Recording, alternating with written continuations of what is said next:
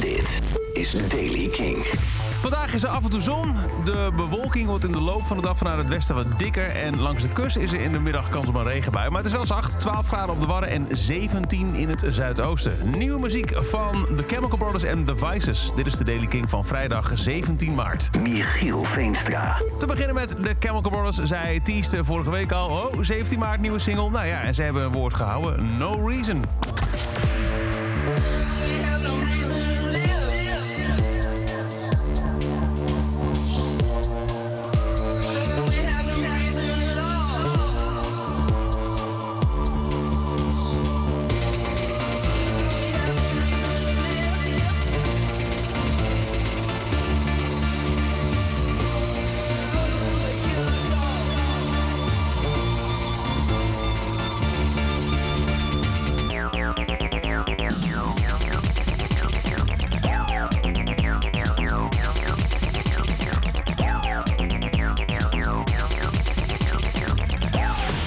De nieuwe Chemical Brothers, No Reason. En ook The Vices hebben een nieuwe single uit. Die heet As- At Least That's What They're Saying. Hey man, girlfriend, she doesn't seem wrong in time. You'll see.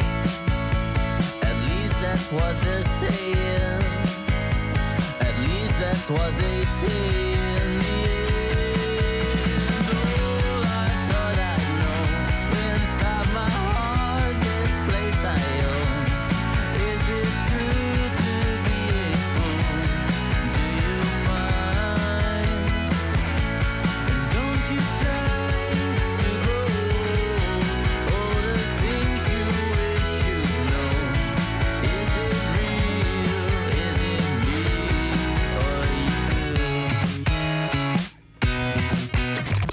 nieuwe van The Vices, At Least That's What They're Saying.